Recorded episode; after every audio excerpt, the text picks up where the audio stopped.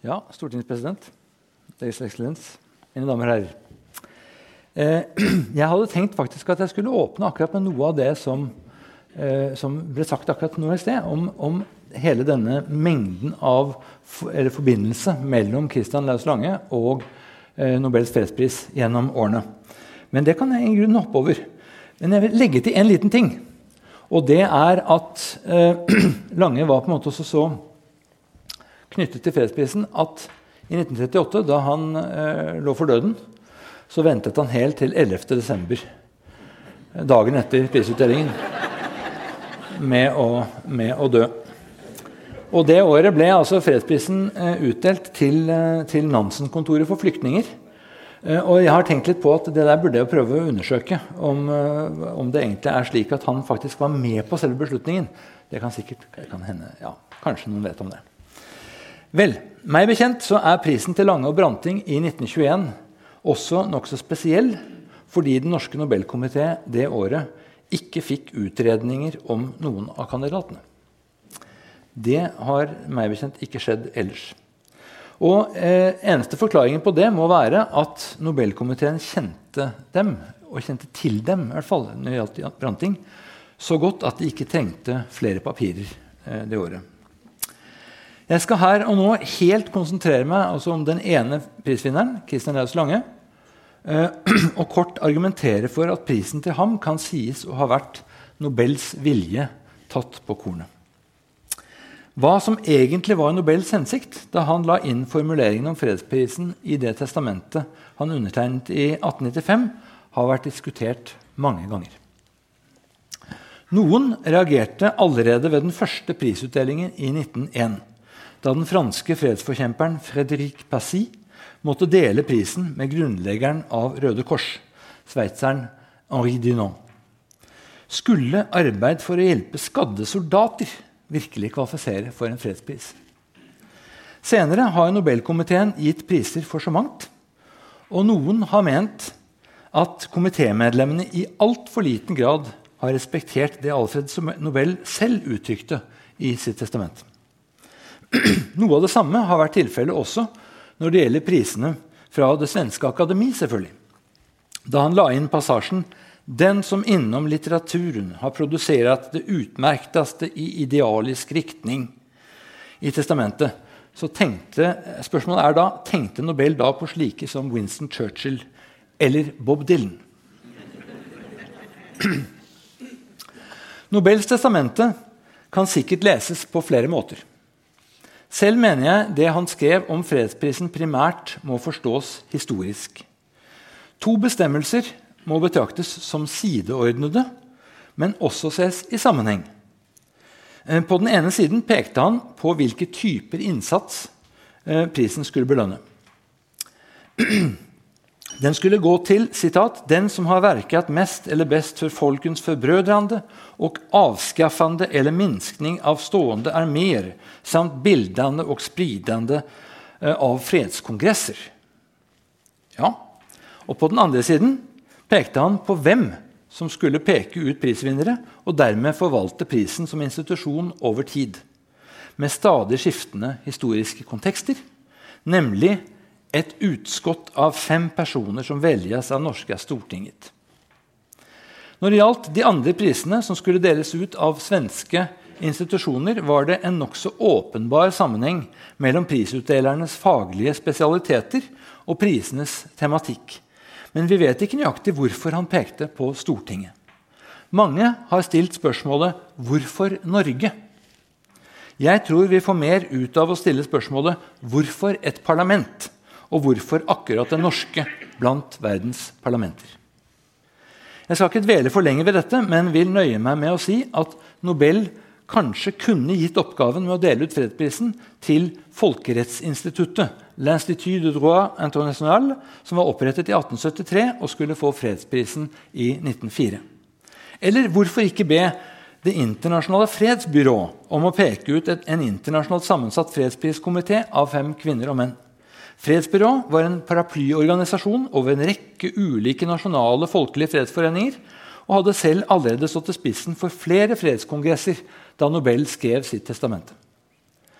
Når han valgte et parlament, synes det for meg rimelig å anta at han har tenkt at parlamenter er nokså stabile institusjoner, samtidig som parlamentarikere i liten grad utgjør noe moralsk eller politisk presteskap, og derfor kan forventes å tilpasse politikken etter de behov og historiske strømdrag som melder seg over tid.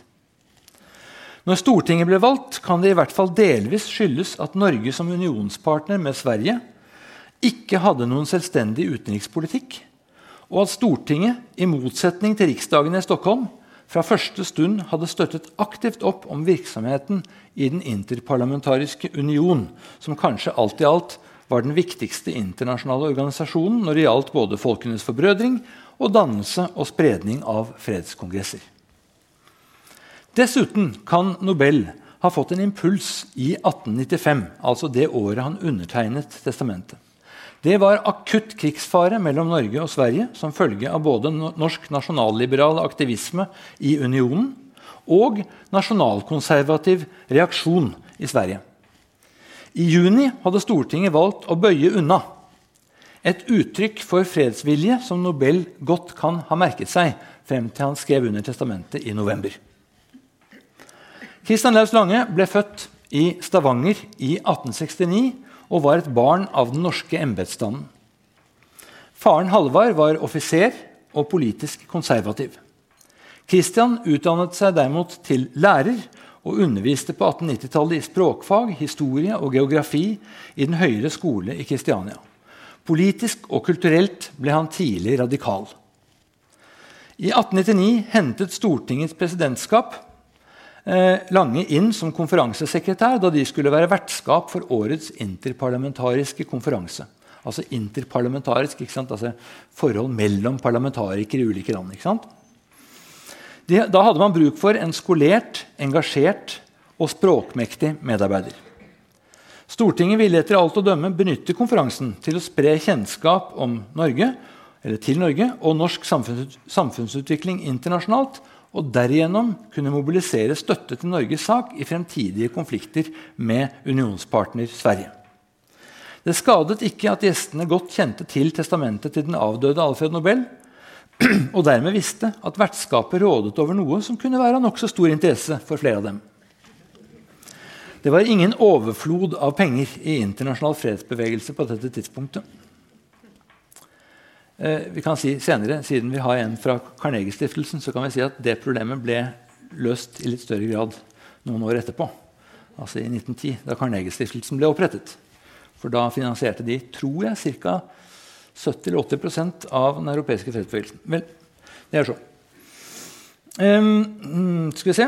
Altså, under konferansen på Stortinget ble Lange kjent med fredsbevegelsens saker og diskusjoner.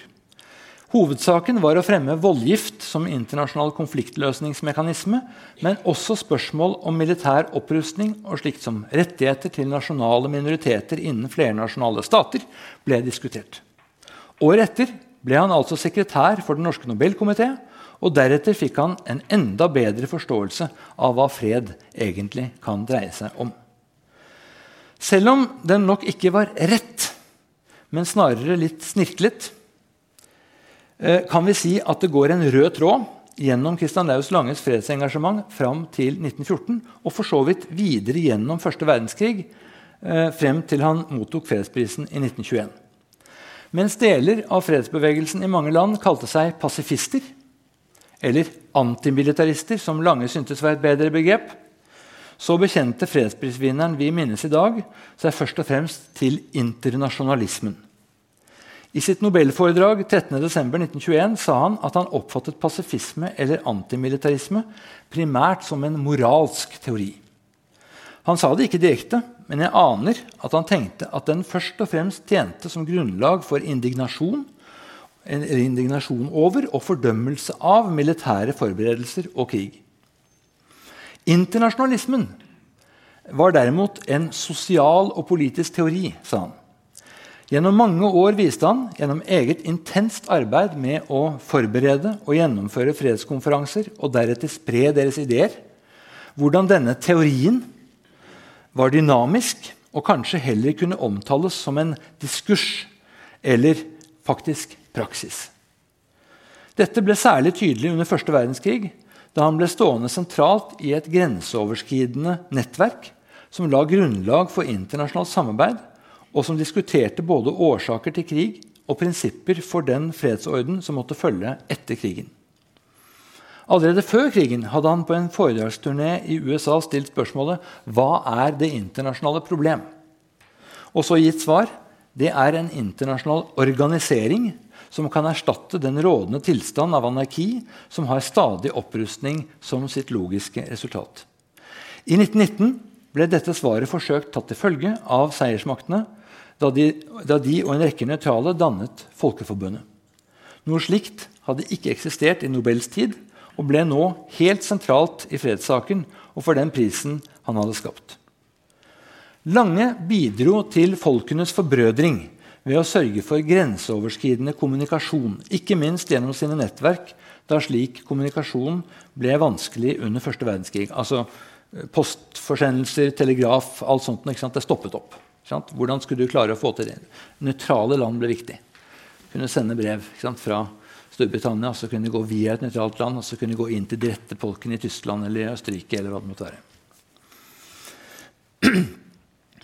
Han bidro både gjennom arbeidet for Den interparlamentariske union og i andre sammenhenger til bildende og spridende av fredskongresser.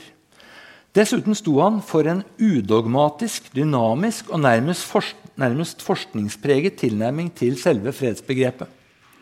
Dette var en slik tilnærming som Nobel kanskje kunne ventet seg av slike parlamentarikere som han hadde betrodd oppgaven med å forvalte fredsprisinstitusjonen. Hva så med den avskaffende eller minskning av stående armeer som Nobel hadde pekt på som kvalifikasjon. Også når det gjaldt dette, var Lange engasjert. Og det ble en mye viktigere sak for ham som folkeforbundspolitiker i en årrekke etter fredsprisen. Men for ham var spørsmålet om nedrustning noe som hang uløselig sammen med internasjonalismen. Arbeidet for en organisert verden som fremmet gjensidig tillit og reduserte staters usikkerhet, kom først. Rustningskontroll og nedrustning burde absolutt forberedes, men måtte likevel følge i neste runde. Men gjerne hakk i hæl. Christian Laus Lange oppfylte simpelthen alle de kriteriene den svenske sprengstoffprodusenten hadde satt opp i sitt testamente. Derfor var fredsprisen til ham i 1921 Nobels vilje tatt på kornet. Takk.